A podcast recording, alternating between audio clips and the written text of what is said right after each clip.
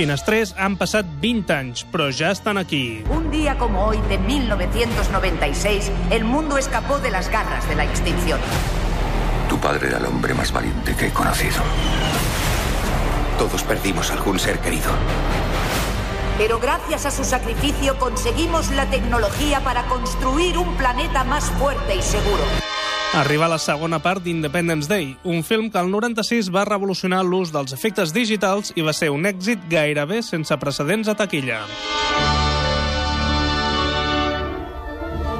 Sabíeu que Spielberg va haver d'endarrerir el seu projecte de la Guerra dels Mons uns anys, espantat per l'èxit d'Independence Day?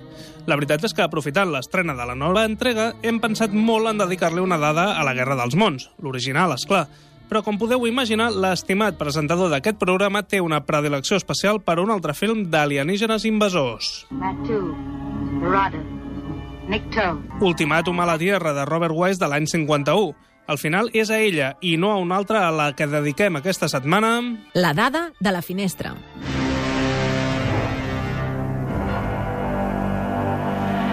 En homenatge a aquest film, George Lucas va nombrar a dos dels aliens que sortien a la Guerra de les Galàxies, Klaatu i Barada Nikto. Aquesta frase ha esdevingut una de les més famoses de la història del cinema. Ha aparegut a films tan diferents com El ejército de las tinieblas o a una pel·lícula catalana molt recent, L'altra frontera. L'exèrcit va refusar participar en la pel·lícula després de llegir el guió. L'Armada Nacional sí que va voler participar. Quan Clato s'amaga de les autoritats, adopta el nom de Carpenter per passar desapercebut. La paraula Carpenter vol dir fuster, cosa que va situar el film en una línia encara més religiosa de que el propi argument ja donava a entendre. Robert Wise va assegurar que ni va pensar en aquest detall.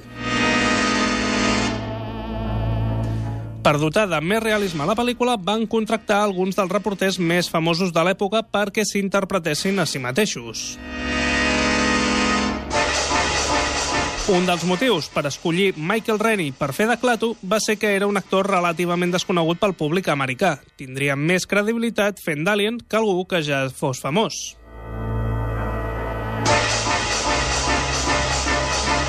La nau espacial estava feta de fusta, cable i un guix arribat especialment de París.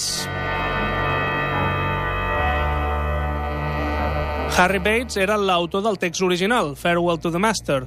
Tot just li van pagar 500 euros pels drets. Si ho arriba a saber...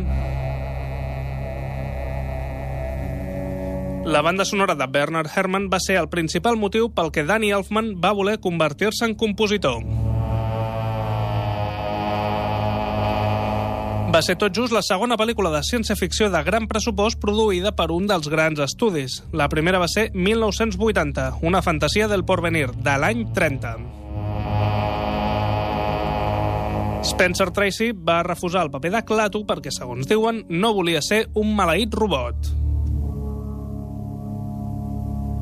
En la versió comentada del DVD podem sentir la veu de Robert Wise i de Nicholas Meyer. Wise va dirigir la primera pel·lícula de Star Trek i Meyer la segona, La ira de Khan, i anys més tard la sisena, Aquel país desconocido.